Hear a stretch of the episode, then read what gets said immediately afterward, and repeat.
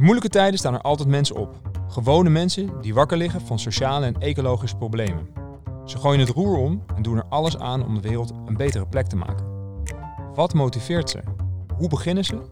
Hoe krijgen ze anderen mee en hoe houden ze het vol? In deze podcast gaan wij, idealisten Marnix en ik, in gesprek met bijzondere gasten over het verwezenlijken van hun idealen. We spreken ondernemers en wereldverbeteraars in de hoop van te leren en jou te helpen op jouw missie naar een betere wereld. Dit is de Ideale Podcast. En alles wat er gebeurt aan de Europese grenzen is dus optioneel. Is eigenlijk gewoon helemaal niet nodig en al helemaal niet te rechtvaardigen. Bescherm mensen, geen grenzen. Roos Ikema start in 2019 Migrate. En dat schrijf je zo dat migratie eigenlijk great is, geweldig is. Migratie is van alle tijden. Een grondrecht voor iedereen en een enorme kans, zegt Roos. Vandaag is zij onze gast in de Ideale Podcast. Welkom Roos. Dankjewel. Goed dat je er bent. Op 2 september waren Marnix en ik beide op het Museumplein met een demonstratie. Wij maken plek en we waren erg onder de indruk van jou. Uh, je oogde strijdbaar en relaxed tegelijk. Was je ook op je gemak? um, nou, ik ben zeker strijdbaar. Uh, relaxed was ik toen niet echt, denk ik. uh, we waren toen net begonnen met, uh, met werken in Ter Apel en dat waren hele lange heftige dagen. Um, maar nu ben ik zeker wel weer wat relaxter. Gelukkig, bij ons hier in de studio ben je relaxed, dat is ja. fijn. Want um, ik hoorde daar een hele mooie zin. migrate believes that migration can make a world a better place. Dat is best wel een mooie zin en het is ook echt nog wel wat. Um, Jij ziet kansen, kan je dat uitleggen? Ja. Uh, we leven eigenlijk in een wereld die, die veel ongelijker is um, dan, dan voorheen. Dus waar vroeger bijvoorbeeld, uh, nou, waar bijvoorbeeld vroeger een, een, een arbeider in Rusland best wel een soortgelijke welvaartsniveau had als een arbeider in Engeland of in Nigeria. Natuurlijk waren er verschillen, maar, maar relatief waren er eigenlijk pas armoede eigenlijk overal in de wereld best wel heftig en best wel erg. Um, en dus ja, maakte de plek waar je geboren werd wel uit omdat je in een hogere of een lagere klasse geboren kon worden. Maar het bepaalde niet, uh, zoals nu, eigenlijk alle kansen in je leven. Dus um, als je in Nederland geboren bent, ik noem dat een soort van uh, paspoortprivilege. Um, dan win je eigenlijk de loterij. Dus waar waar je vroeger geluk kon hebben als je de, de dochter of de zoon van een hertog was, daar heb je nu geluk omdat je in Nederland geboren bent en daarmee bij een van de rijkste landen ter wereld hoort. Dus uh, ook de arme mensen in Nederland, ja, die zullen niet snel sterven aan diarree bijvoorbeeld, wat in, in veel landen nog steeds de grootste doodsoorzaak is van, van jonge kinderen. Dus de plek waar je leeft en waar je mag wonen en, en werken, bepaalt echt in een heel grote mate hoe je, hoe je leven zal gaan. Ja. En uh, vooral omdat er dus hoge hekken en grenzen tussen uh, landen zijn, kunnen mensen ook niet verhuizen naar een plek waar ze meer kansen hebben. Op welke manier bedoel je dan eigenlijk dat uh, migratie de wereld een betere plek kan, kan geven? Is dat dan omdat door migratie mensen kunnen verhuizen naar plekken waar, waar meer kansen is en dus er meer gelijkheid zal komen? Ja, dus eigenlijk zou je niet, je kan niet echt vrij zijn en je kan zeker niet spreken van een, een wereld waar gelijke kansen zijn. Als mensen niet kunnen bewegen naar een plek waar de lonen hoger zijn en de Precies. kansen beter zijn. Ja. En uiteindelijk zou je ook nog kunnen. Er zijn, er zijn ook conservatieve denktanks, economische denktanks, die zeggen dat het eigenlijk uh, voor iedereen beter zou zijn. Dus dat het economische groei voor iedereen uh, zou betekenen. Ik vind dat zelf niet zo heel relevant. Hm. ik denk dat het vooral, uh, ja, dat alle privileges die ik heb, omdat ik een Nederlands paspoort heb, ja, dat ik daar geen enkel recht op heb en dat die ook toegankelijk zouden zijn voor anderen, zouden moeten zijn voor andere ja. mensen.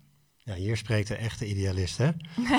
en, en, en, tegelijkertijd, want je zegt natuurlijk wel hele interessante dingen ook over dat um, al die miljarden die nu worden gestoken in grensbewaking, want je zei van als je die nou steekt in mensen goed opvangen, maar ook opleiden. Als je denkt aan personeelstekort, de vergrijzing in, in Europa, uh, dan zouden we dat veel beter besteden.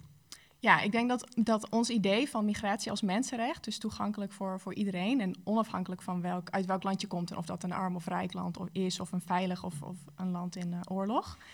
Um, dat klinkt nu als een heel radicaal idee, maar ik denk eigenlijk dat er over een aantal jaar of tiental jaren dat we zo hard mensen nodig zullen hebben dat we het misschien gewoon ja. om uh, ja, voor selfish reasons gaan doen, zeg maar. Ja, Ja. ja. Ja, bij jou ging het nooit om selfish reasons. Want jij bent vanaf jongs af aan altijd al heel erg bevlogen bezig geweest met het helpen van anderen. Vluchtelingen in het bijzonder. Ehm, ik las op eh, in een artikel van de Universiteit van Utrecht dat je ook een studentenprijs had gewonnen voor je vrijwilligerswerk. Kan je daar iets over vertellen?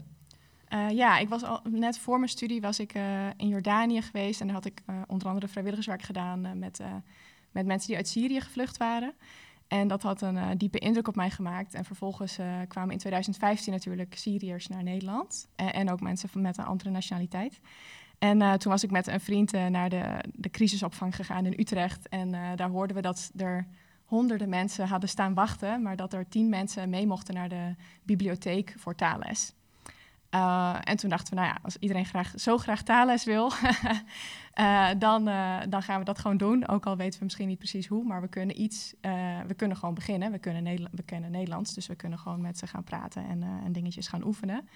Um, dus ja, omdat, omdat er zoveel mensen waren die dat graag wilden, hebben we toen een oproepje gedaan. En toen hadden we binnen no time, ik geloof 80 of 100 vrijwilligers. Want iedereen was op dat moment zo van, wat kan ik doen, weet je wel? Ja.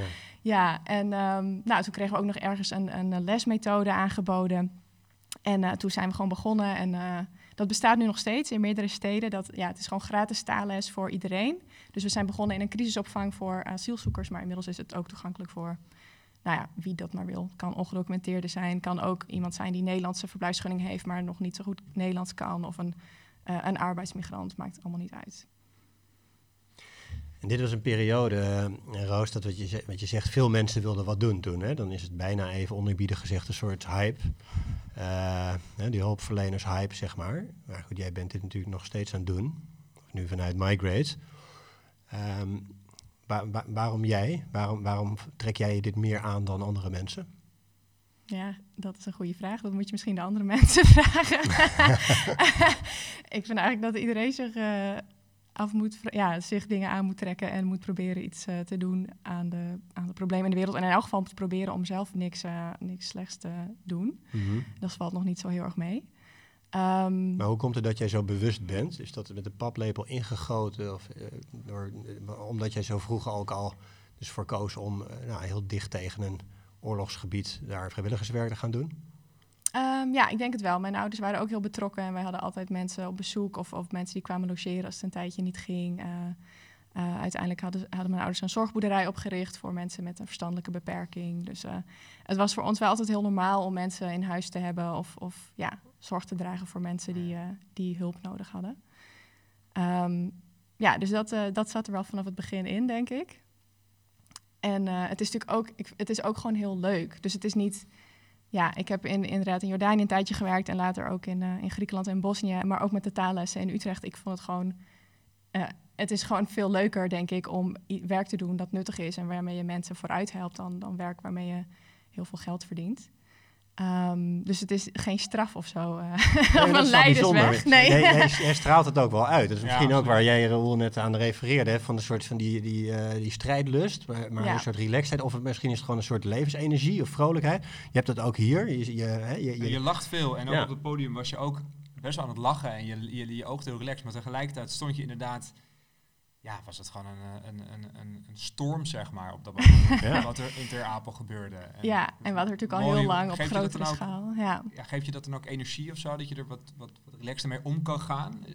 Ja, ik denk dat het misschien veel moeilijker is om het leed van de wereld wel te zien en te horen, maar er niks aan te kunnen doen. En ik denk, hmm. uh, ja, zeg maar, ik vond het ook heel zwaar om in een, in kampen te werken en het gevoel te hebben dat je ook weer het probleem in stand houdt en, en dat er eigenlijk niet echt gewerkt wordt aan de ja, aan structurele oplossingen of aan, aan manieren om echt de wereld beter te maken. Want ja, het is heel mooi om hulp te geven, maar het is ook, eigenlijk wil ik helemaal niet dat mensen afhankelijk zijn van mij of van wie dan ook.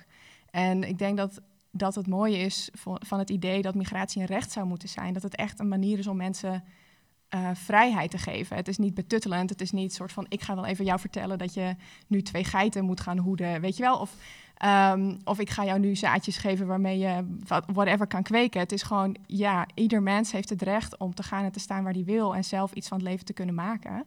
En iedereen waarbij dat niet lukt, die moet natuurlijk hulp en ondersteuning kunnen krijgen. Maar op dit moment wordt gewoon iedereen tegengehouden en wordt ieder, ieders ontwikkeling op, ja, met opzet door ons eigenlijk beperkt. En ik denk dat dat een hele zware waarheid is om te dragen als je het gevoel hebt dat je er niks mee kan. En ook als je, al is het ja, de mensen die in Ter Apel buiten sliepen, dat, dat heeft ontzettend veel mensen geraakt. Maar het is heel zwaar om dan te kijken en niks te kunnen doen. En wel iets kunnen doen en het gevoel hebben dat je, ja, dat is ook een gevoel van uh, misschien niet macht, maar in elk geval een, een ja, kracht. Dat je denkt, ja, ik kan iets. Ja, uh, en het is, ja, de wereld is nog niet verloren of zo. Dus het, het geeft ook hoop om dan iets te doen en te zien dat er iets kan verbeteren, ook al is het klein. En hoe werkt het dan? Hè? Want dan, de, jij bent dan naar de Apel gegaan hè, met jouw organisatie, met Migrate. En hè, dan kom je daar dan aan en dan zeg je van, nou ja, ik ben Roos, I'll take it from here. het is een puinhoop. Hoe, want waarom laten ze jou daar toe? Nee, ja, hoe gaat dat? Uh, nou, niemand heeft ons daartoe gelaten, nee. Um, Nee, we zijn er eerst heen gegaan. Eerst hadden we ook nog wel een beetje de hoop van, oh ja, allemaal dramatisch. En hè, weet je wel, er waren zoveel dramatische beelden naar buiten gekomen dat, dat ik in elk geval dacht van, nou ja, nu gaat de overheid het toch wel fixen. Nou, dat bleek niet helemaal uh, waar te zijn. Um, en toen zijn we op een bepaald moment gewoon daarheen gegaan en we zijn daar gewoon de hele, hele middag en avond met mensen gaan praten en gaan vragen van, ja, wat, wat is er aan de hand? Wat heb je nodig? Um, ja, en er kwam vooral uit dat mensen dus het heel uh, vervelend vonden dat ze zo ongezond eten kregen. Um, dus dat was een, een bevroren tosti met kaas en uh, patat. patat. Ja, elke dag patat. Ja, die foto's me nog heel goed herinneren. Ja, en het werd ook nog over het hek gegooid in plaats van gewoon ja, ja. op een fatsoenlijke manier uitgedeeld. En um, toen ik daar was, toen waren er net die tenten uitgedeeld. En die zijn toen die avond alweer in beslag genomen. Maar toen ik net weer weg was, ja, dus dat was even... Daar was iedereen natuurlijk helemaal relaxed. En de medische zorg was een heel groot probleem, want Artsen zonder Grenzen was toen nog niet begonnen. Dus mensen kwamen naar mij toe die zeiden: Ik heb hartproblemen. Weet je wel, ik heb, nou ja, wat, maar, wat voor chronische ernstige ziekte je ook maar kan bedenken. En de beveiligers die uh, lachen me bijna uit, weet je wel, die doen er niks aan. Dus dat was een heel groot probleem, maar dat is gewoon niet, ja, ik ben geen arts, dus dat is iets wat wij niet kunnen. Uh, maar noodhulp kunnen we wel, of voedsel en, en, en dekens uitdelen. Dus, uh... ja, maar dan heb je dus die situatie voor je met alles wat er fout gaat. Uh, nou ja, de, de problemen zijn op meerdere handen te tellen eigenlijk. Uh, waar begin je dan? Hoe ga je... Ja, wat is je plan? ja, wij zijn toen gewoon begonnen met... Uh, er was al een groep van mensen rond Ter Apel die wel iets hadden gedaan, maar die nou ja, om verschillende redenen of het niet vol konden houden of de, op de lange termijn, of te weinig mensen, of te weinig geld, whatever. Um, dus met hun hebben we toen allemaal afgesproken. En toen zei er een, oh ja, we hebben wel een grote keuken. Uh, en ik zei, nou, volgens mij kunnen wij die boodschappen wel betalen, weet je wel. Dat is niet zo heel veel geld, zeker niet als je het maar één keertje doet. Um, nou, dus toen, ja, je moet natuurlijk altijd bedenken van wat kan ik doen? Of wat kan daar gedaan worden? En toen bleek dus dat er twee plekken waren waar we konden koken. En dat er heel veel mensen waren die daar wel wilden helpen. Um, dus toen hebben we gezegd, oké, dan gaan we eten koken. En, en dan gaan we daar gewoon beginnen. En dan gaan we wel kijken wat er dan nog meer nodig is. En um, ik denk dat dat was, dat was ook met de taalles. We begonnen echt met een super houtje touwtje ja. methode. En wij hadden eigenlijk ook, maar het was wel iets waarvan wat over, over, ja, wij konden overzien dat we dat aan zouden kunnen. En later kon het groter worden en, en, en konden we meer bereiken. Maar we begonnen gewoon met: oké, we, we hebben nu dit en, en daarmee kunnen we in elk geval dit ding doen. Dus er waren ook allemaal kerkjes in Ter Apel die dan gewoon met koffie en thee kwamen. En die dat ook supergoed deden. Uh, en die gewoon ook simpel begonnen. Ik denk ook dat het vaak lastig is. En ik vind dat zelf ook heel lastig. Als je de hele wereld wil veranderen, ja, waar begin je dan? En ja, dan geef je eigenlijk al op voordat je dus bent begonnen. Als je dan zinkt, dan moet je zeg maar te snel in de schoenen. Terwijl als je eenmaal begint, dan, dan blijkt eigenlijk... Nou ja, binnen no time kregen we duizend aanmeldingen voor vrijwilligers. Dat was natuurlijk eigenlijk veel meer dan we nodig hadden in Ter Apel. Um, en we kregen donaties. Dus ineens konden we gewoon dekens gaan kopen en tenten. En alle boodschappen die we maar nodig hadden voor, de, voor het eten. Dus uiteindelijk begin je heel klein en wordt het je dan ook makkelijk gemaakt om, om meer te kunnen doen. En, en, uh, ja. Omdat je eigenlijk een beweging op gang hebt gekregen op dat moment. Ja, ja, ja. Maar je bent wel echt het type van mouwen opstropen en we gaan het gewoon doen, hè, volgens mij. Ja, ik vind dat het leukste wat er is. Ik heb dat jarenlang gedaan, dat soort noodhulp. En eigenlijk in Ter Apel, ja, dat klinkt heel gek, want het is natuurlijk ook een zware plek en mensen hebben het gewoon zwaar, maar het is ook zo mooi. En, en die, deze mensen hebben dan een hele lange reis achter de rug en die hebben hun doel gehaald. Weet je wel, die zijn veilig in Nederland. En dan volgt er natuurlijk nog een hele lange, moeizame periode van asiel en gezinshereniging en whatever. Um, maar dit zijn ook mensen die al zoveel hebben ja, geleden, maar die uiteindelijk wel bereikt hebben wat ze, wat ze graag wilden. Dus het is ook niet alsof iedereen daar de hele dag zit te huilen of zo. Het is ook een mm. plek waar mensen ja, ongelooflijk solidair zijn met elkaar, weet je wel. En dan tegen ons zeiden van, hé, hey, er is iemand die kan niet goed lopen. Is het goed als ik hem wat eten breng? Weet je wel, allemaal, of er is iemand die heeft het echt heel koud. Ik weet dat jullie eigenlijk niet genoeg dekens hebben voor iedereen, maar kunnen we het voor deze persoon doen? En het, is, het heeft gewoon iets heel, ja, er is gewoon zo'n sterke solidariteit dan. En dat, dat maakt ook misschien dat ik daar dan relaxed stond, want ja, dat is gewoon, het is heel erg mooi. Het laat ja. je op, zeg maar. En, eh, ja. Ja, Hey, en, maar we kennen jullie natuurlijk vanuit Ter Apel heel erg. Het kwam heel erg in het nieuws, maar Migrate bestaat al langer, hè? Dus Ja, we bestaan nu iets meer dan drie jaar. En inderdaad, iedereen kent ons van Ter Apel, maar eigenlijk was dat meer een soort zij, eh, zijstapje. Ja, want neem, neem ons eens mee. Hoe begon het? Ehm, nou, het begon eigenlijk vier jaar geleden. Toen ben ik in Bosnië gaan werken. Ehm, in Sarajevo, daar deden we ook voedsel uitdelen en later ook medische zorg. En eh, een community, community center waar mensen zich op konden warmen. En eh, ehm, ja, een soort shelters. We hadden kraakpanden geïsoleerd en verwarmd, zodat mensen de winter doorkwamen. En ehm, dat was ook zo'n plek waar, waar aan de ene kant hele zware dingen naar boven kwamen. Want mensen probeerden de grens over te steken en kwamen dan zwaar gewond terug uit Kroatië. Ehm, dus ja, er waren, er waren heel veel illegale deportaties of pushbacks, zoals ook wel genoemd worden. Ehm, dus dat was aan de ene kant ook ontzettend zwaar en, en heel, heel heftig om te zien. En aan de andere kant was dat ook een plek waar we toch iets konden doen. En waar je kon zien van oké, deze personen herstellen zich weer en het gaat weer wat beter dan een paar weken geleden. Ehm, maar uiteindelijk werden wij het land uitgezet door de autoriteiten. Hm. Officieel omdat... lachend. Ja. ja, inmiddels kan ik erom lachen. Toen ik terug was nadat we het land uitgezet waren, een paar maanden later, en er lagen overal mensen in de sneeuw op straat, toen was ik wel behoorlijk boos. Ehm, ja, als je ons aan het land uitzet als overheid, ga dan in elk geval zelf fatsoenlijke eh, opvang bieden en, en ondersteuning aan de mensen. Ehm, maar ja, we zijn het land uitgezet en eh, het was heel duidelijk dat, dat daar niet alleen noodhulp nodig was, maar dat ja, het hele grensbeleid ehm, tot, eigenlijk tot dood en verderf leidt in Bosnië, maar eigenlijk overal. En dat het dan niet genoeg is om met een dekentje aan te komen zetten of een pleister. Ehm, dus van daaruit is Migrate eigenlijk ontstaan. En, en ehm, we wilden ook nog noodhulp blijven doen. En dat doen we ook nog steeds in meerdere landen aan de Europese grenzen. Of we ondersteunen lokale groepen die dat doen. Maar we wilden ook ja, laten zien, want ik weet nog dat ik een keer een familielid vertelde over de pushbacks. En dat hij mij echt aankeek en zei van, nou, dat, die dacht echt dat ik eh, in complottheorieën geloofde. Terwijl ja. ik het gewoon zag, weet je wel. Ja. Het was nou niet echt een, eh, ja, dat is gewoon de realiteit. Maar ongeloof van dat dat, dat dat hier kan ja, gebeuren, zeg maar. en op dat moment was er, toen ik daar zat, is het eerste nieuwsbericht internationaal erover ge- uitgebracht in Zwitserland. Maar ja, dat, dat, leest, dat, hè, dat lezen mensen in Nederland natuurlijk niet. Dus ehm, er was eigenlijk nog niks over bekend. En Kroatië bleef ook zeggen dat het helemaal niet zo was. Ehm, en ook dat is natuurlijk iets wat je eigenlijk overal aan de Europese grenzen ziet. Dat er structureel geweld gebruikt wordt, dat er structureel mensen ehm, verdrinken of, of van de kou of de honger omkomen. Dat er ook heel vaak een directe link is eigenlijk met het Europese beleid of met het beleid van het land. En eh, dat wij met z'n allen eigenlijk een beetje, nou ja, dat het eigenlijk niet echt nieuws meer is. Want ja, er, gaat, er verdrinkt zo vaak, er, er is zo vaak een, een boot die zinkt. Ja, dat staat ergens in een obscuur hoekje in een krant, maar dat is geen breaking news meer. Ja. En die rol die wij dan als Nederland of als de EU spelen, ja, die is zo ingewikkeld dat eigenlijk bijna niemand. eh, dat kan, daar kan je geen spannende one-liners van maken. Dus dat wordt allemaal niks in het nieuws of in, de, in het eh, parlement. Dus wij wilden dat naar buiten brengen. Ehm, maar we wilden niet alleen maar zeggen van het is alleen maar slecht. En, en, want dat is wel zo.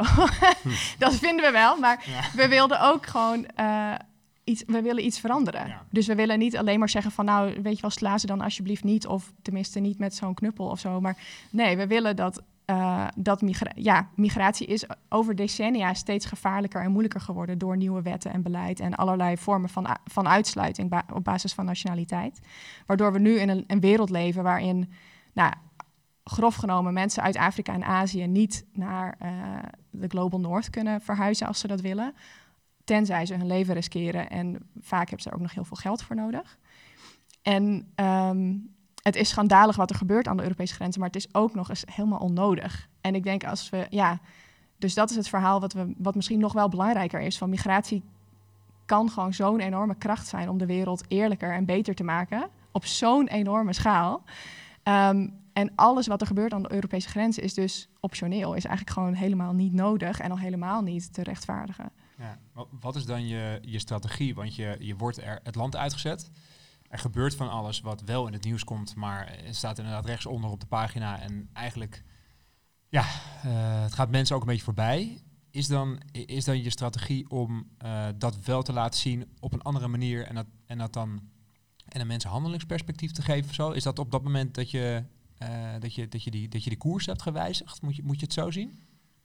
Um, nou, ik denk, we zijn toen het land uitgezet en we waren daar natuurlijk zo druk bezig met de dagelijkse dingen. Weet je wel, dan had de auto weer een lekke band en dan kon je het eten weer niet vervoeren. Naar, uh, en dan, ja, dan was er weer dit en dan was er weer dat en dan moest er weer iemand naar het ziekenhuis wat niet wilde. Weet je wel, dus we hadden daar eigenlijk wel, denk ik, heel veel frustraties over wat er gebeurde, maar niet zoveel tijd uh, om daar ook echt iets aan te doen. En juist omdat we het land uitgegooid waren, hadden we ook tijd om na te denken van, joh, wat, wat betekent dit nou eigenlijk? En waarom gebeurt dit nou eigenlijk? En ja, en wat kunnen wij daaraan doen? En eerlijk gezegd, ik weet nog steeds niet helemaal wat we daaraan kunnen doen. Wij, we proberen van alles eraan te doen. Ja. Uh, soms heel succesvol en soms helemaal niet. Weet je wel, dat hoort ook bij het leven van een activist. Soms sta je ergens met, uh, met vijf mensen met een bordje zielig in de regen en er is niemand die, die het boeit. Um, maar ik denk, hoe dan ook, weet je wel, of het nou een enorme beweging wordt of niet, je moet je uit blijven spreken tegen onrecht. Um, al is het maar zodat je dan later kan zeggen, weet je wel, we hebben het gewoest. We kunnen niet meer Precies, doen alsof dit niet ja. uh, nergens... ja, dat moeten we gewoon blijven doen. En we hopen natuurlijk, of ik hoop natuurlijk, dat het uiteindelijk um, aanslaat. En dat dit een idee wordt dat breed gedragen gaat worden door mensen. En dat er uiteindelijk gewoon wetten gaan veranderen. Ja, dat ja, mensen met het vliegtuig hierheen komen in plaats van, uh, van met een bootje of wandelend door de bergen.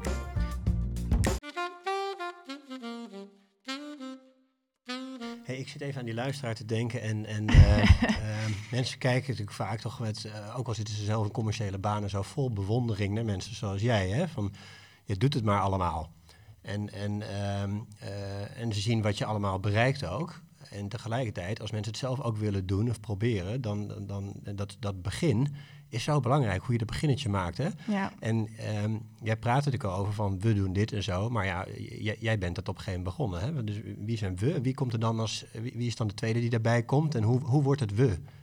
Ja, dat is. Uh, het mogen altijd nog meer we's worden, denk ik. Mhm. Um, maar uh, ja, ik ben begonnen met uh, twee mensen. Eentje die ik kende al van de taalles in Utrecht en de andere die ik kende van de, van de hulp die we verleenden in Bosnië.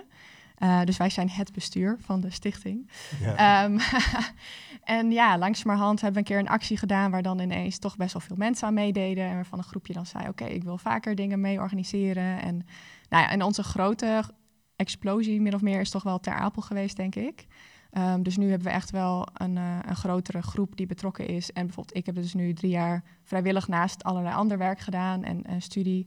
Um, maar doordat we met de Apel veel aandacht hebben kunnen krijgen, hebben we nu ook betaalde functies, waardoor we natuurlijk ook veel meer kunnen doen. Ja. En uh, ja, want onze grootste beperkende factor was denk ik toch eigenlijk altijd tijd. Uh, en er zijn zoveel onderwerpen waar verder niemand aandacht aan besteedt. En er zijn zoveel problemen in de wereld. En er zijn zoveel dingen die we, ja, ideeën die we uit willen proberen. Um, dus ja, dat is natuurlijk een heel groot. Uh, maar dat, dat komt dus alleen maar omdat we begonnen zijn met iets kleins. Dat er dan uiteindelijk ja, ja, je weet al waar je het over hebt in zekere zin. Hè? Dus dan gebeurt het in Nederland en Ter Apel zo. En dan, je, je, bent er al mee bezig. Je weet al waar het over gaat. Je hoort ook als je spreekt, je hebt wat dossierkennis, je hebt ervaring. Uh, met de voeten in de klei, zeg maar. En dan, dan ben je dus degene die dat kan, kan aangaan op dat moment. Ja, maar het begon nog weer veel kleiner. Ik begon, want ik was dan weer in die crisisopvang om taalles, waar we hadden bedacht, oh, we moeten taallessen geven, omdat er een moskee was waar kleren uh, gesorteerd werden en waar ze toen hadden gevraagd van wie wil er mee naar die opvang om dat uit te delen. Weet je wel, dus ja, uiteindelijk is het dan een heel klein uh, stapje of een heel een klein begin van een paar uurtjes iets gaan doen en vervolgens nooit meer loslaten. En dan, dan toch nog even terug naar die, naar die luisteraar die inderdaad denkt, oké, dat begin is gemaakt uh, en, en, en, en er zijn een aantal mensen aan boord om, uh, ja, om te gaan helpen. Hoe zie je dan nu de, de, de, de, komende periode voor je? Want je, je, je missie is hartstikke groot. Je wil eigenlijk de politiek beïnvloeden. De om, wereld veranderen. Ja, je wil, je wil letterlijk echt de wereld veranderen, ja. toch? Dat is wel ja. waar het om gaat. Het gaat om migratie, maar dat gaat dus ook helemaal tot aan, tot aan Brussel. Je wilt beleid veranderen. En nou, als ik je zo hoor, stop je niet voordat het uh, gebeurt. hoe, hoe, hoe kijk je daar dan naar? Want dat is best wel een berg om te beklimmen, toch? Uh, hoe je dan begint of hoe je doorgaat? Nou, wat nu, ja, wat, de, wat, wat, wat je plannen zijn om daar te komen. of is, ja, is, concreet. ehm, ja, het is bijvoorbeeld met het idee van migratie als mensenrecht. Dat is denk ik, dat is voor ons, voor mij ook het moeilijkste, omdat. eh, eh, daarom is het ook fijn dat ik hier zit. omdat dat best wel een ingewikkeld idee is. Eh, en dat geldt natuurlijk met heel veel compleet nieuwe ideeën. Zeg maar de afschaffing van de slavernij of het communisme of kick-out Zwarte Piet. Weet je wel, op allerlei verschillende plekken en niveaus zijn er vaak dingen eh, begonnen waarvan de eerst bijna iedereen zei van, huh, nou, waar slaat dat op? Mhm. Of zelfs, nou, ik weet niet eens waar het over gaat. Ehm, en het is, ja, als iemand zegt van we moeten vluchtelingen beschermen, oké, dat snapt iedereen. Maar migratie als mensenrecht, dat is, ja, eigenlijk, eigenlijk snappen mensen helemaal niet waar we het over hebben als we dat zeggen. Ehm, dus daar moeten we gewoon echt nog heel veel eh, over praten en over discussiëren. En, en met heel veel mensen om dat idee soort van te laten landen. En dan los van of mensen het ermee eens zijn of niet, maar dat het concept zeg maar bekend is. Want pas dan kun je er ook inhoudelijk over discussiëren en kun je ook gaan, ja, gaan, gaan bedenken van oké, maar moet het dan helemaal of een beetje? En, weet je, en dan kan je dus langzamerhand hopelijk een eerste stap zetten van oké, nou laten we dan nu, eh, weet ik veel, ehm ongedocumenteerden in Nederland eh, een werkvisum kunnen geven. Of eh, werkvisa beschikbaar stellen voor mensen uit de hele wereld die hier tijdelijk seizoenswerk willen gaan doen. Ja. Weet je wel, je kan super klein beginnen, maar nu kan dat nog niet, omdat die hele basis, het, het concept bestaat nog Ja. niet in de publieke opinie. de ervan. er Ja, dus niet. dat is eigenlijk nu stap één. En de- richting het publiek, eh, zeg maar van onderop eigenlijk, om mensen te laten inzien dat migratie een recht is? Of is het richting de politiek? Ja, dat is allebei, denk ik. Maar uiteindelijk, ehm, ja, daar, daar heb je verschillende theorieën en ideeën over. Ehm, ik denk wat, wat het belangrijkste is, is uiteindelijk dat het een recht wordt. En of het nou iedereen het ermee eens is of niet, vind ik ze- zelf eerlijk gezegd niet zo relevant. Ik bedoel, de rechten van de LGBT-community moeten ook niet afhangen van de acceptatie, zeg maar. Ja. Mensen hebben gewoon rechten en Ja. alle mensen die dat eh, moeilijk te verteren willen, vinden, nou ja, deal with it, succes ermee. Ehm, dus uiteindelijk is dat het belangrijkste. Het, belangrijkste is dat mensen kunnen migreren en uit extreme armoede of uit oorlogsgebieden kunnen ontsnappen zonder daarvoor eerst hun leven te moeten wagen. Eh, en om de wereld gelijker en daarmee denk ik ook vrijer te maken voor, voor ieder mens. Ehm, en ja, als de wetten dan veranderen, maar er nog steeds veel mensen zijn die eigenlijk zeggen van nou ja, eigenlijk vind ik dat maar niks. Ja, I don't care. Zeg maar, ik wil het resultaat. Ja, de- de- ja ik, ik voel met je mee natuurlijk. Maar ehm, jij bent wel ver met je gedachtegoed, hè? Dus ik, ik ben wel Ja. benieuwd van hoe je dat... Hoe je, ehm, of je wel bereid bent die brug te slaan naar die mensen die nog niet zo ver zijn. Want op een van die moet je ze natuurlijk mee zien te krijgen. Hè? We zitten in een tijd van steeds meer tweedeling, polarisatie. Ik merk het zelf ook, van op het moment dat je elkaar wegzet van ja, eh, die is niet goed bij zijn hoofd, dan, dan gaan we er niet komen. Hè? Dus hoe, hoe doe jij dat? Nou, ik denk aan de ene kant is het misschien. ehm, ik denk bepaalde dingen die wij zeggen zijn helemaal niet radicaal. Ik, het is moeilijk om een PVV'er te vinden die voor eh, marteling is aan de Europese grenzen. Dus er gebeuren eigenlijk dingen die veel extremer zijn dan, dan wat de extremistische partijen eh, willen. Eh, en de partijen die zichzelf zeg maar centrum of, of eh, eh, redelijk noemen, die voeren dat beleid. Dus ik denk dat dat hele stuk niet zo heel radicaal is. Van het, het afschrikbeleid wat nu gevoerd wordt, wat met geweld en dood en ehm, nou ja, ongeveer elk mensenrecht wat je maar kan bedenken, wordt geschonden. Ik denk dat dat eigenlijk niet zo heel erg, niet zo'n hele grote stap is. Ik denk wel dat inderdaad, er is nu natuurlijk heel veel, of er is veel er wordt veel gesproken over migratie als een bedreiging en migratie als een probleem. Ehm, maar bijna iedereen gaat daar ook in mee. Dus zeg maar ook de, de linkse partijen en ook de organisaties die eigenlijk de belangen zouden moeten behartigen van deze groep, die zijn eigenlijk zo bang om als radicaal neergezet te worden, dat ze, eh, ja, dat ze helemaal niet meer principieel eh, opkomen voor de, voor de rechten van mensen die dan, ehm, ja, die dus keihard bescherming nodig hebben. Ja.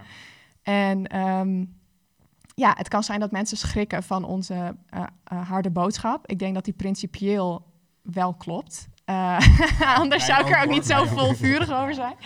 Ehm, ik denk dat die principieel klopt. En ik denk dat het, ja, wat nu bijvoorbeeld gebeurt, is dat dan hè, de echte vluchteling, die mag dan misschien wel, maar de gelukzoeker niet.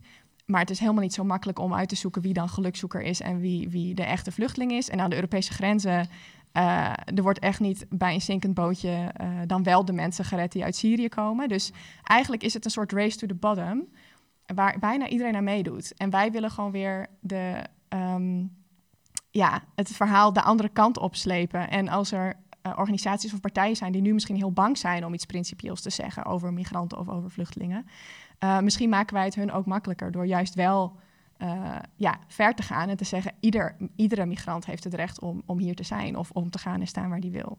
En heb je dan ook het gevoel dat je boodschap, want laat duidelijk zijn, wij staan daar 100% achter. dat we daar geen discussie over hebben, maar heb je het gevoel dat je boodschap dan ook resoneert met die met die groepen mensen. En met name dus ook op links, die, waarvan jij het zegt, nou, ze schuiven eigenlijk een beetje te veel op naar rechts. Is dat iets wat aanslaat? Um, nou, wat ik vooral mooi vind is dat als, uh, als, we hier over een, als ik hier over een lezing doe of een uh, uitgebreid gesprek, dat heel veel mensen er nog nooit over na hebben gedacht. En ik denk dat dat met, ja, ik weet niet of jullie The Feel of Ignorance kennen. Uh, dat is een filosofisch concept. Um, dat, je, dat je achter een gordijn, we zitten hier in de studio met gordijnen voor de le lezers thuis, dat je, um, dat je be de, bepaalt hoe de wereld eruit zou moeten zien, zonder te weten wat jouw plek in de wereld wordt. Um, en dit is een gedachte-experiment waarmee je na kan denken over hoe ongelijk je bijvoorbeeld de wereld wil hebben. En, um, maar dit, dit, uh, dit concept is bedacht volgens mij door John Rawls, een, een uh, filosoof. Um, en als mensen daarover na gaan denken, dan, dan uh, gaan ze natuurlijk bedenken van, oh ja, oké, ik ben nu dan hoog opgeleid of zo, maar andere mensen niet. En die mensen hebben eigenlijk niet eens genoeg geld om te eten. Oké, ja, shit, als ik dan straks laag opgeleid zou zijn, dan zou ik eigenlijk wel willen dat er een soort minimum is, weet je wel? En, um, maar wat het interessante is van de Feel of Ignorance, is dat mensen vaak, uh, dat de vraag natuurlijk heel is van, oké, maar hoe breed trek je dat? Want je kan wel, uh, je kan bijvoorbeeld denken aan alle witte mannen. Dat was hoe, hoe vroeger veel politiek bedreven werd. Maar als je ook bedenkt, oh, ik zou ook als vrouw terug kunnen komen, uh, dan ga je een hele andere wereld indelen. En als je terug zou kunnen komen als person of color, dan ga je misschien, de, dan ga je dus over grenzen heel anders denken. En als je terugkomt als varken, dan ga je misschien iets aan de bio-industrie willen doen. Mm.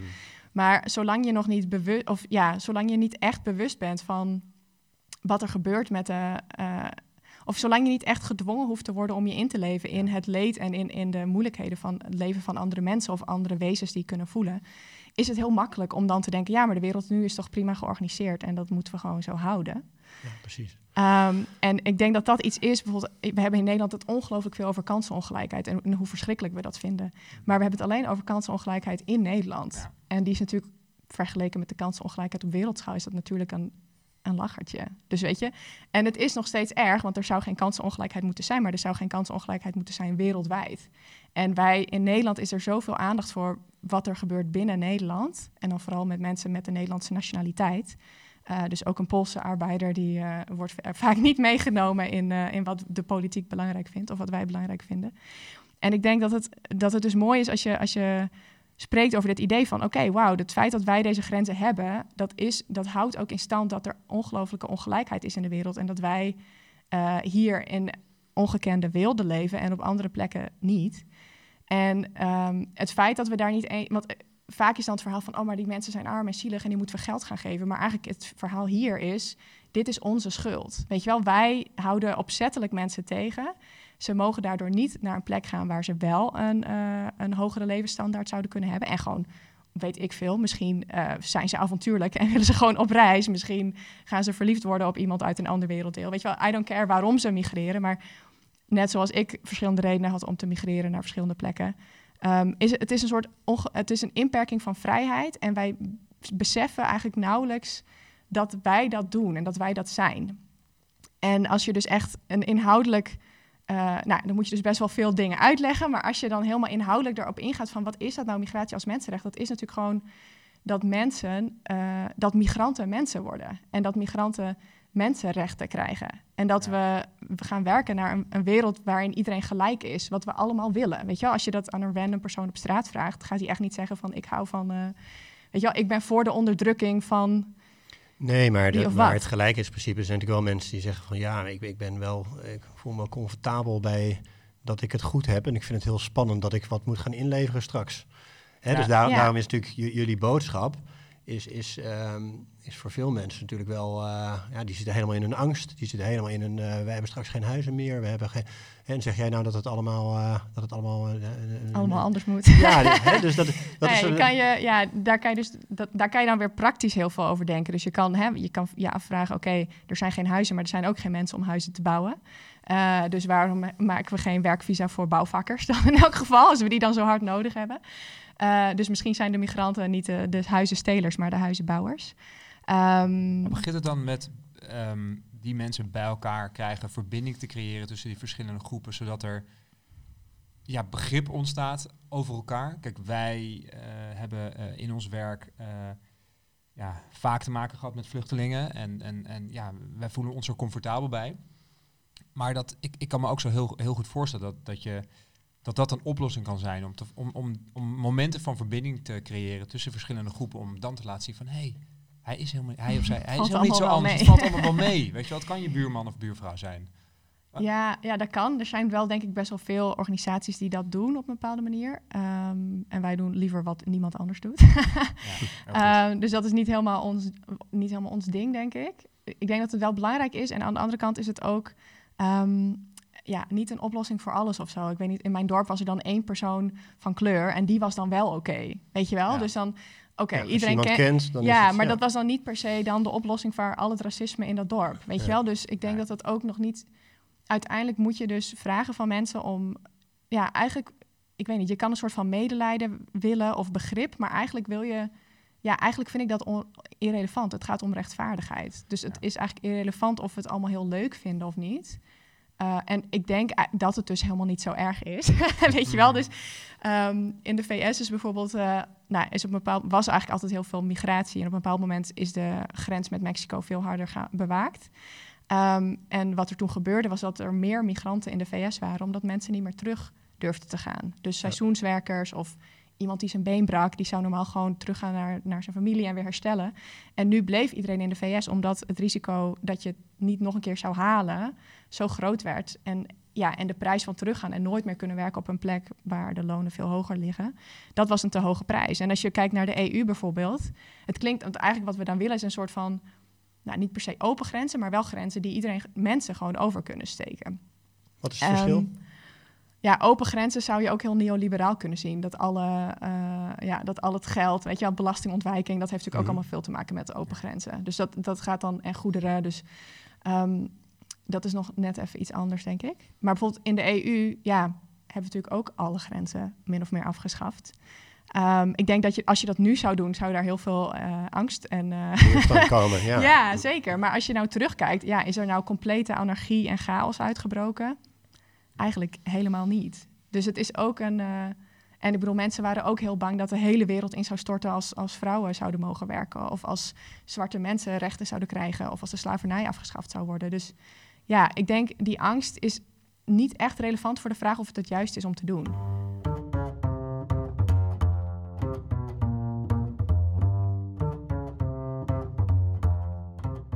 Ik zou even willen kijken naar uh, uh, Roos als mens. Want je vertelt natuurlijk over het werk wat je doet. En dat wil ik heel graag weten.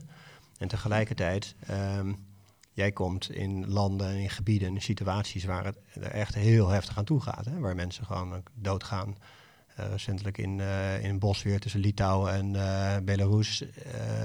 mensen overleden. Jij bent daar soms bij. Hoe ga jij daarmee om? Um, nou ja, ik denk met dit werk, ik weet wel een beetje van, oké, ik kan natuurlijk zware dingen verwachten. Um, maar er gebeuren ook altijd weer dingen die je niet aan ziet komen. Dus ik weet nog dat ik dan op Lesbos werkte en dat ik de eerste keer dat ik in Moria rondliep, dan nou eigenlijk wel gewoon met tranen in mijn ogen eigenlijk bijna een, een janken uit kon barsten, omdat ik mensen in een tent zag wonen. Maar als je daar dan een half jaar rondloopt, dan denk je op een bepaald moment van, oh ja, oh nou, je moet, weet je, je wordt eigenlijk ook hard, weet je wel, van, nou, jij moet niet zeuren, jij, jij, uh, ja. jij hebt nog een grote tent, weet je wel, of weet je wel, dus je, wat, je, wat normaal is, stel je heel naar beneden ja. bij. En ik vind het dan, um, ik vind het vaak dan pas moeilijk als ik weer terug ben in Nederland en dan omringd word door alle wilden en alle Um, ja, of dan een opmerking uh, te verduren krijg van iemand die dan zegt van, nou ja, we kunnen ze hier allemaal niet hebben. En dan denk ik, ja, Oké. Maar, ook wat, maar ook wat het met jezelf doet. Want je hoort ja, het natuurlijk wel vaker. niet hebben. Iedereen die, op, die in Moria rondliep en daar langer heeft gewerkt. Ik ben daar ook geweest, maar niet zo lang. Ja, Ehm, maar dat, dat, dat mensen toch allemaal wel een soort van getraumatiseerd eh, waren. Dat je het pas voelt als je weer terug bent in Nederland. ehm, en Ja. uit die... als je uit die overlevingsdrive Ja, komt, zeg maar. Ja. Hoe is dat voor jou? Ja, ik denk dat ik het na Lesbos echt wel zwaar heb gehad, een tijdje. En uiteindelijk ben ik weer bijna gewoon weggevlucht uit Nederland eh, naar Bosnië, omdat ik het gewoon niet kon, eh, kon even niet met Nederlandse mensen omgaan. Ehm, eh, nu gaat dat beter, maar ik denk ook daar dat het, dat het ook helpt om er iets aan te doen. Dus ik, het lijkt mij heel zwaar om nu te zeggen: Oké, ik, ik stop mijn kop in het zand en ik Ja. vergeet alle verschrikkelijke dingen die ik heb gezien. Ehm, en ik ga nu weer mijn eigen leven leiden. Dat, ik weet niet of ik dat nog zou kunnen. Je ik wil het ook niet. door te gaan werken. Ja, Ja, door, door, door het probleem op, te precies, door te, alles te doen wat ik kan om, om Ja. het echt te veranderen. En niet, niet alleen maar een doekje voor het bloeden, maar om echt het hele systeem eh, op zijn kop te zetten. Ja. En heb je dan ook wel eens echt, eh, ja, toch nog wel tijdens, tijdens het werken, eh, echt donkere dagen, dat je Ja, moeilijk vindt om eh, door te zetten? Ja, zeker. En ik denk in het algemeen vind ik het wel echt... Ik vind het veel zwaarder om, om leed te zien wat echt willens en wetens toegebracht wordt aan iemand... dan leed wat, wat komt uit verwaarlozing. Dus op Lesbos heb je eigenlijk vrij veel verwaarlozing.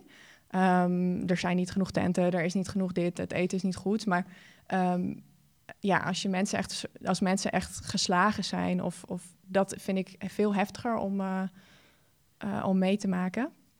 En eh, dat had ik bijvoorbeeld ook in Ter Apel. Ik was er eigenlijk altijd ja, ik ben daar dan gewoon om te geven en om, om, eh, om iedereen toch iets van welkom te heten. En even die hele mindset van wij worden als, als vee behandeld, om dat even te proberen weg te vagen. Weet je wel? Dus iedereen met iedereen lachen en iedereen aanspreken en iedereen eh, weer als mens proberen te behandelen. En dat is, dan ben je helemaal in je high en in je adre- adrenaline. En dan ik ben alleen maar aan het lachen en aan het praten en aan het gek doen. En, ehm, dus dan vergeet je even helemaal hoe het eigenlijk voor jezelf is of zo. Maar ik weet nog dat we daar stonden toen op een avond en dat was... De mensen waren teruggebracht uit een andere opvang, dus het was niet eens... Die opvang had gewoon gezegd, nou doei, wij gaan dicht. En eh, we weten dat het allemaal eh, shit is in Ter Apel, maar eh, we don't care. En toen stonden er allemaal heel veel kleine kinderen en ja, echt peutertjes in de stromende regen. En als dan de beveiligers of dat het personeel niet eens naar buiten komt om te kijken van, goh, wie is er kwetsbaar, wie moet er echt onmiddellijk naar binnen. Ehm, en het personeel misschien deels ook weer uit frustratie en, en, en wanhoop, dan eigenlijk gewoon, ja, gewoon mensen vertelt van nee, zoek het maar uit. En dat wij allemaal tenten hadden in onze auto, maar dat eh, de handhavers ernaast stonden en die zeiden, als je de tenten ook maar uit de auto pakt, dan gaan we je meteen arresteren. Ja, toen heb ik wel echt... Een beetje hard gaan. ja, toen op een bepaald moment waren dan alle families naar binnen. Dus dan is er ook weer iets minder eh, stress. En toen moesten we nog urenlang wachten, waar, omdat de mannen dan heel langzaam naar binnen mochten. En toen op een bepaald moment heb ik gewoon echt een half uur lang huilend... eh, ben ik gewoon weg gaan lopen. En eh, ja, ik kon er gewoon echt even niet meer tegen. Dat dan gewoon opzettelijk, het laatste stukje beschutting... wat wij dan bieden, wat al belachelijk is. Weet je wel, een tent is geen huis. Een tent is geen fatsoenlijk onderkomen. Ehm, dat dan opzettelijk dat tegen wordt gehouden, dat je mensen droog houdt en, en, en warm, dat, daar kan ik gewoon echt niet tegen. En dat eh, moet, daar moet ik ook niet tegen kunnen, volgens mij. Volgens mij moeten we daar met z'n allen niet absoluut. tegen kunnen. ja. Maar op zo'n moment ben je gewoon echt, of ben ik dan echt wel even raadloos. En ja, Maar is dat, eh, ja, op zo'n moment zeker. En eh, blijft dat dan een tijdje bij je? Of sta je dan de volgende dag weer op en ga je weer met diezelfde lach er tegenaan? Eh, een beetje van beide. dus ja, dan, eh, die mensen kregen bijvoorbeeld ook geen eten. Eh, dus, en er was een, uiteindelijk een groep waar helemaal geen plek meer voor was. Dus die moesten buiten liggen. En die hebben gewoon, ik geloof, 20, 30 uur of zo geen eten gehad. Eh, dus volgende dag hadden wij eten geregeld. En dan is het gewoon ook weer even leuk en gezellig. Weet je, ook voor jezelf. Maar dan ehm, ja, weet ik ook weer van, oké, we hebben er weer iets aan kunnen doen. Dat, iedereen is weer gewoon wel doorvoed en eh, is weer een beetje op de rit. Ehm, dus dan, maar dan moet, dan moet ik er ook gewoon weer zijn, weet je wel. Dan kan ik daar niet s- zielig gaan staan en eh, het maar uitzoeken of zo. Want ja, dan moet gewoon de distributie weer goed verlopen en, en strak en, en prettig voor iedereen. Ehm, maar dat, dat is nog steeds iets, als ik daar nog, nu aan terugdenk, kan ik daar nog steeds heel boos over worden. Ja. En zulke momenten heb ik ook uit Kroatië, uit Bosnië en Griekenland. Ik denk dat, dat dit gewoon even het moment is om gewoon onze waardering spreken voor Roos, toch? Want Ja, ik heb al een paar momenten gehad van staande ovatie. Ja, het is echt wat jij, wat jij doet en hoe je Ja. dag in dag uit eh, je inzet voor anderen. Dat is echt eh, heel bewonderenswaardig, vind ik. Thanks. Ja. Graag gedaan. Doe, het, doe, al- doe het allemaal. En ik hoop, ja, nee, ik, en ik, ja, nee, ik, dat, was gewoon Nee, echt hart wat sprak. Maar en ik hoop dat we ook Ja. met deze podcast eh, eh, ook andere mensen die dit luisteren, die dit horen en denken van, hey shit, weet je wel, dit is zo inspirerend. Dit, dit. En dat je hun ook tips hebt gegeven hoe te beginnen. ja. Eh, Dat het niet zo moeilijk is en dat je mensen mee kan krijgen. En dat je op een gegeven moment een club bent van idealisten die ja, eh, gewoon echt een verschil kan maken. Ja. Toch? Ja, nou, dan wil ik ook nog wel even mijn dank uitspreken aan alle mensen die eh, op wat voor manier dan ook altijd maar meedoen. Of zelf ook dingen, weet je, ik, heb ook, ik ben ook bij dingen aangehaakt wat al begonnen was. En de mensen die al aan het koken waren en thee aan het zetten en whatever. En ehm, uiteindelijk kan je het nooit alleen. En ik denk wat, wat voor mij bijvoorbeeld wel echt een... eh, eh, waar, waar ik lang over heb getwijfeld of waar ik lang een beetje onzekerheid voelde of zo, was van, ja, niemand zit hier op te wachten en weet je wel, en misschien is het nog niet goed genoeg. En ehm, en toen, ik, toen we begonnen en onze eerste acties dan een beetje gingen uitzetten en vroegen aan mensen van, yo, doe je mee? Bleek eigenlijk dat er zoveel mensen waren die dit thema zo belangrijk vinden en ehm, die het ook heel fijn vinden als er dan wel iemand is die zegt, wij organiseren het, weet je wel, dit is de flyer, je hoeft hem alleen nog maar te printen. En, Ja. ehm, dus wees ook niet bang om het voortouw te nemen, denk ik. En, eh, en wees ook niet bang dat niemand met je mee wil doen, want... eh, de grote onrechtvaardigheden van deze tijd, daar ben je echt niet de enige die, daar, eh, die daarover in zit. Marnix had er ooit een keer een mooie metafoor over. Dat was alsof het lijkt alsof, je, alsof er allemaal mensen op een, op een bushalte staan te wachten. En dat jij voorbij rijdt met een bus in een, in een bepaalde vorm met een goed idee. En dat die mensen Op het eigenlijk juiste moment. zo, het juiste ja. moment en dat ze instappen en dat het, dat het dan gaat. Ja, en soms moet je dat moment ook gewoon maken. Ja. Ik bedoel, met alles wat er aan de Europese grenzen gebeurt, ja, dat moment is er gewoon niet. Dus dan moet je dat maar gewoon creëren. Ik, ik, Somehow. ik, ik bewonder ook echt die strijdvaardigheid van jou. En, en eh, soms eh, eh, dan, zie, dan zie ik ook wel in dat je gaat dan af en toe met gestrekt been in. En dat moet ook, hè? En maar er- ergens zeg je ook: We will never take money from the institutions we fight.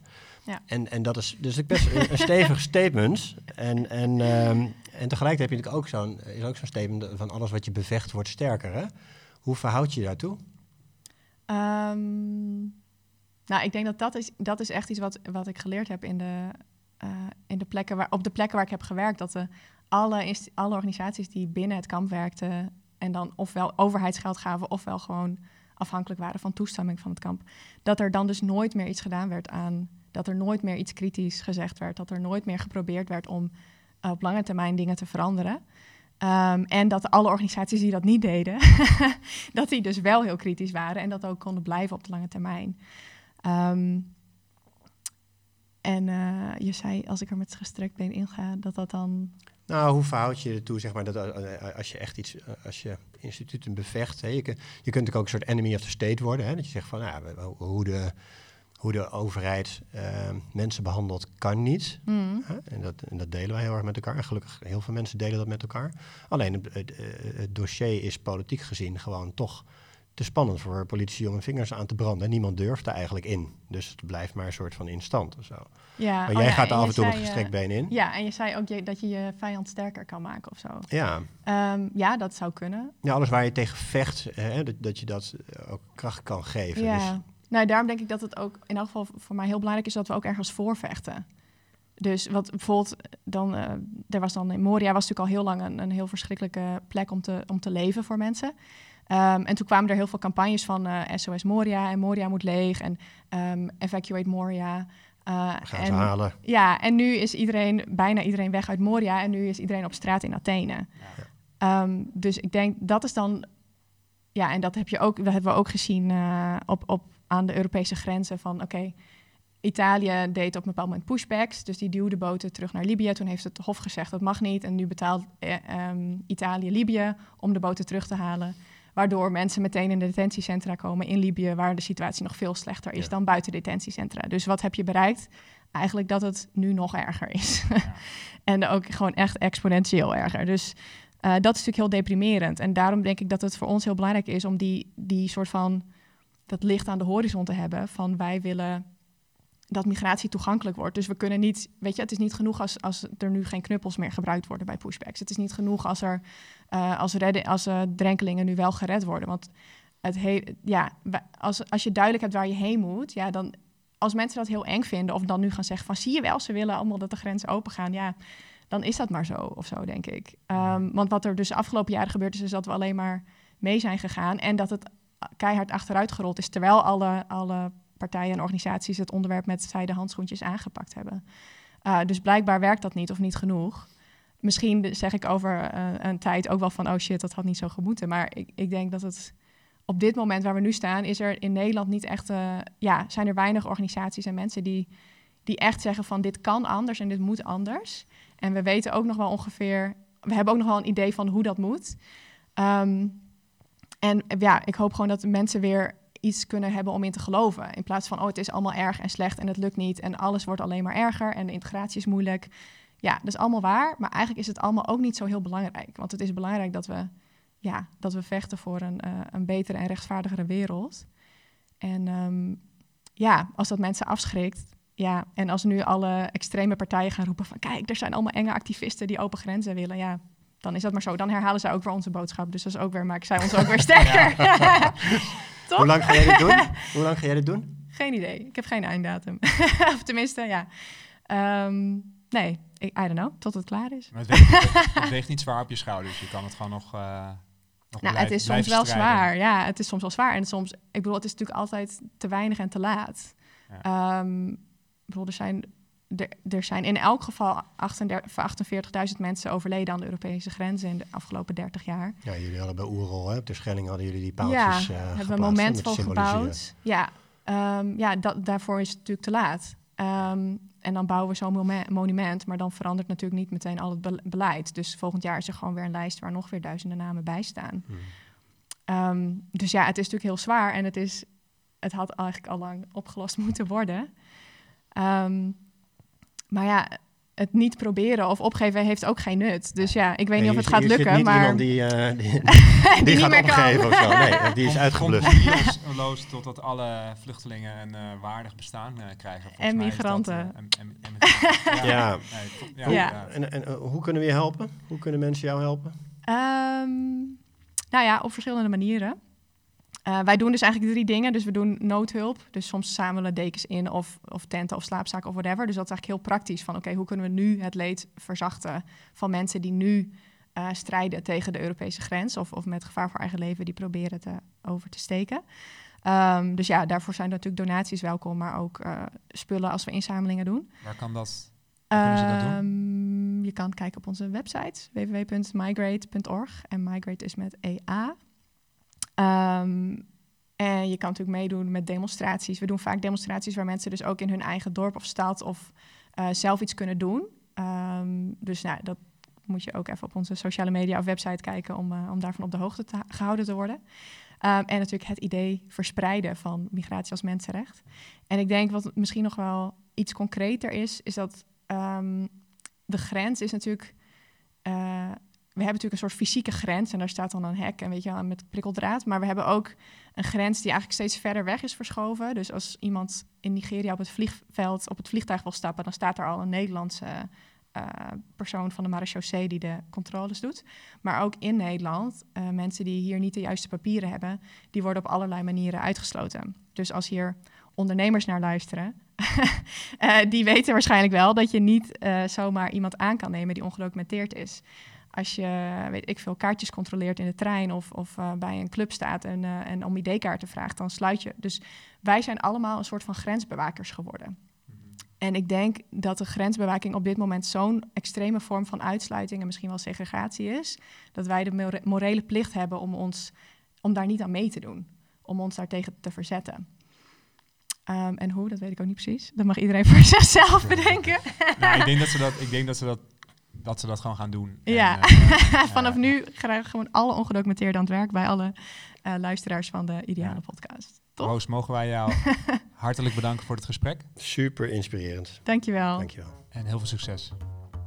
Dit was de Ideale Podcast. Mede mogelijk gemaakt door Omar Kabiri van Maak. Muziek van Lucas Dols van Sounds of Change onze geluidstechnicus Castor Strado en The Present Movement. Ben of ken jij ook een idealist die wij zeker moeten spreken? Stuur ons een berichtje. Tot de volgende!